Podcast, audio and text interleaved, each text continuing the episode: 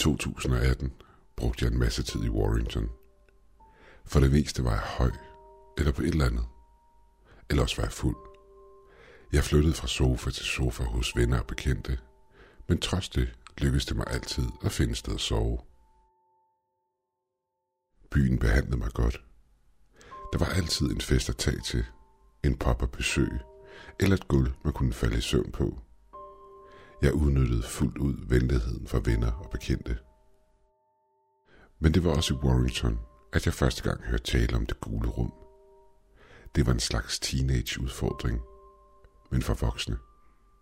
Kan du overnatte i det gule rum? Lad os se, hvor lang tid du kan holde ud. Jeg havde ingen idé om, hvad det gule rum var, men jeg har aldrig mødt en udfordring, et par linjer coke ikke kunne hjælpe mig igennem. En aften befandt jeg mig sammen med min ven Bas på baren, hesten og joggien. Bas var en aldrende metalfan, der havde en hang til piller, men som altid var klar på et godt grin. Vi var i gang med at tømme et par fadøl, da han nævnte for mig, han muligvis havde noget arbejde til mig. Inden jeg gik fuldtid som fuck-up, havde jeg været under uddannelse som elektriker. Bas arbejdede inden for bygningsindustrien, og fra tid til anden ville han kaste småjobs i min retning. Ikke noget stort, men nok til at holde mig kørende. Han var i gang med at forklare mig om jobbet, da jeg hørte ordene det gule rum blive nævnt et sted bag mig. Med det samme drejede jeg mig rundt for at se, hvem der havde udtalt sætningen. Tre bar stole væk sad en pige, der enten havde tatoveret øjenæblerne, eller havde sorte kontaktlinser i, og snakkede med en anden pige, der havde en geometrisk tatovering i ansigtet. Jeg vendte mig imod Bash igen, der tydeligvis var uimponeret over, at jeg havde mistet interessen for vores samtale. Vil du have jobbet, eller hvad, spurgte han. Ja, jeg kunne selvfølgelig, svare jeg. Men jeg troede, jeg hørte de piger der sige noget om det gule rum, afbrød han, imens han rullede med øjnene. Ja, jeg bliver ved med at høre om det. Hvad fanden er det? Han smilede bedre vidne til mig, inden han forklarede mig, hvad det hele handlede om. I udkanten af Warrington er der et byplanlægningsprojekt i gang. Eller rettere, det var der. Firmaet, der stod bag projektet, gik konkurs i 2008, hvilket efterlod et stort område, der skulle have været et nyt nabolag tomt. Det vil sige på nær et hus. Det hus var en slags modelhus, som boligmalere kunne vise frem til nye kunder, så de kunne få dem til at sætte deres underskrift på kontrakten. Huset har stået tomt siden firmaet gik ned og hjem. Glemt og forladt som en fodnote i 20.000 siders langt retsdokument, som ingen gider læse. Huset har lidt af et ry. I starten var stedet en destination for hjemløse, junkier og andre skumle typer. Men af en eller anden grund holder de sig langt væk fra området i dag. En af grundene til dette, eller i hvert fald ifølge rygterne, er det på grund af det gule rum. Ifølge historierne er alt i hele huset malet hvidt. Væggene, borgerne, ja selv skabene. Men et rum i huset var af uforklarlige årsager blevet malet gult. Og så vidt jeg husker, er det et af soveværelserne på første sal bagerst i huset, med udsigt over det store græsområde, hvor de andre huse skulle have været opført.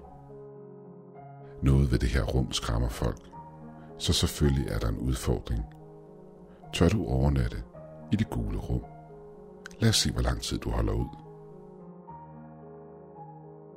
Det tog mig halvanden time at overtale Bas til at komme ud til huset. Og det tog mig yderligere 20 minutter at overtale ham til at komme og hente mig igen den efterfølgende morgen. Hoveddøren var lukket, men ikke låst, så jeg gik indenfor, imens jeg kiggede efter overvågningskameraer eller andre ting, der kunne bringe mig i problemer.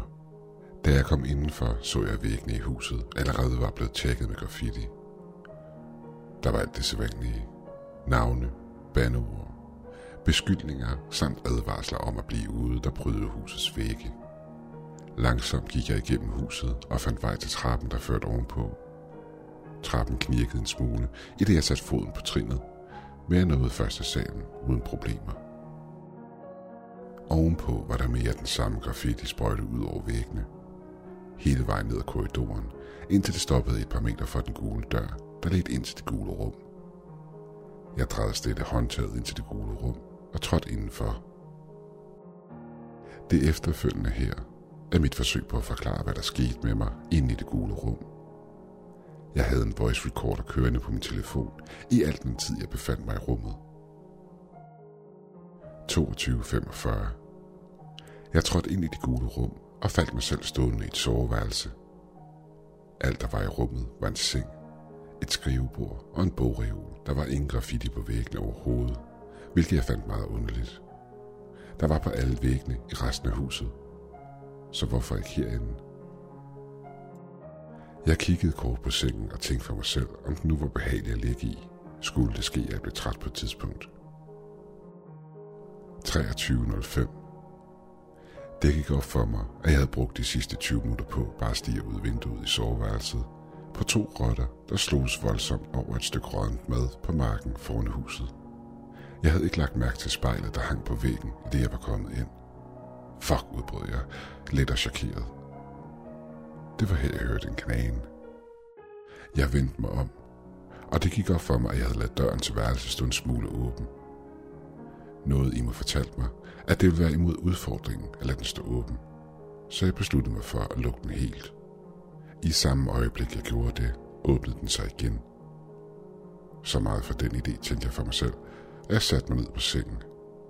Den føltes fugtig, og betrækket var en smule vådt. Jeg rejste mig op igen fra sengen. Min bukser var våde, og jeg følte mig en smule syg. Midnat. Min røv var langsomt ved at blive tør igen, og jeg kiggede tilfældigvis ud af vinduet, hvor jeg så en stor sort hund sidde på marken udenfor og stige tilbage på mig. Jeg vendte mig om og forventede at se mig selv i spejlet. Men det var så snavset, at jeg næsten intet kunne se i det. Jeg kunne have sværet på, for mindre end en time siden havde jeg kunnet se mig selv tydeligt og klart i det. 10 minutter over midnat. Jeg kiggede igennem sprækken på døren ud til gangen og undrede mig over graffitien og hvorfor den stoppede så pludselig og ikke fortsat herinde. Min kvalme var begyndt igen. Min mave føltes som om jeg skulle kaste op, og jeg kunne mærke min hals trække sig sammen. Jeg kunne høre en drøbende lyd og så mig rundt i rummet efter lyden, men fandt intet. 0045. Hunden var væk, og alt jeg kunne se igennem vinduet var græsset, der svarede blidt i vinden, kun oplyst af fuldmånens skær. Drøbelyden var blevet højere, og igen så jeg rundt i rummet for at finde kilden til lyden. Mit blik faldt på sengen, og så, at vand fra tæppet dryppede fra sengen og ned på gulvet. Jeg kiggede ud i korridoren. Væggene på den anden side af gangen virkede til at være længere væk end før. Min mave var en stor knude, og jeg mærkede trangen til at kaste op. Men intet kom op. Klokken 01.00 der var en mand ude på marken. Jeg kunne se ham tydeligt igennem vinduet. Han bar en lang brun jakke og et par blå jeans. Hans ansigt var markeret og alvorligt. Han bevægede sig ikke. Alt han gjorde var at stige direkte på mig igennem vinduet ud fra marken af. 01.15 Jeg overvejede at ryge min nødjoint, som jeg havde liggende i lommen, i et forsøg på at tage kanten af hele situationen sammen med kvalme. Jeg besluttede mig for at lade være, og så igen ud i korridoren, men så intet. Intet i som ingen korridor, ingen gang, ingen væg, ingen mørke. Der var ingenting ud for rummet. 0120. Vinduet er forsvundet. Det, det er væk. Strømmen i huset blev tændt og pæren i det gule rum oplyste med det samme rum, jeg sad i. Jeg tror ikke, at det her modelhus nogensinde har været tilsluttet strømnettet, og hvis det på et tidspunkt har, så var det blevet taget fra igen for mange år siden. Nu da lyset var tændt, kunne jeg se flere detaljer i rummet, som jeg ikke havde lagt mærke til før. Jeg lagde mærke til, at væggene havde små huller boret ind i sig. Nogle i øjenhøjde, andre lavere. Jeg prøvede at kigge ind igennem hullerne, men kunne intet se på den anden side. Jeg lagde også mærke til, at væggen, der vendte ud mod sengen, faktisk ikke var der. Den havde aldrig været der. Hvorfor havde jeg troet, at der ville være en væg der til at begynde med? Tydeligvis var rummet meget større, end jeg først havde antaget. Jeg gik omkring sengen for at undersøge resten af rummet, men fandt ud af, at det var komplet tomt. Min kvalme fik selskab af følelsen af sorg. Jeg følte en sorg over, at der ikke var noget i den del af rummet, og det stod tomt og ignoreret. Nu lidt 45. Der var en mand. En mand, der stirrede på mig igennem dørsprækken. Jeg kunne ikke se meget andet i den mørke gang, end hans gennembrugende øjne. Så jeg stirrede tilbage på ham. Jeg vidste, jeg kunne kravle ud og muligvis overleve faldet fra første etage. Jeg var villig til at tage chancen med manden, hunden og de kæmpende rotter, hvis det kom dertil. Jeg kunne ikke blive i rummet meget længere. Lyden af drøbende fra sengen var blevet til en konstant løben. Jeg gik over til sengen og følte på tæppet. Min hånd passerede igennem det, som var det vand. Tæppet og sengen forsvandt drøbende væk. Alt i rummet drøbbede væk. Der var intet tilbage i rummet, andet end rummet.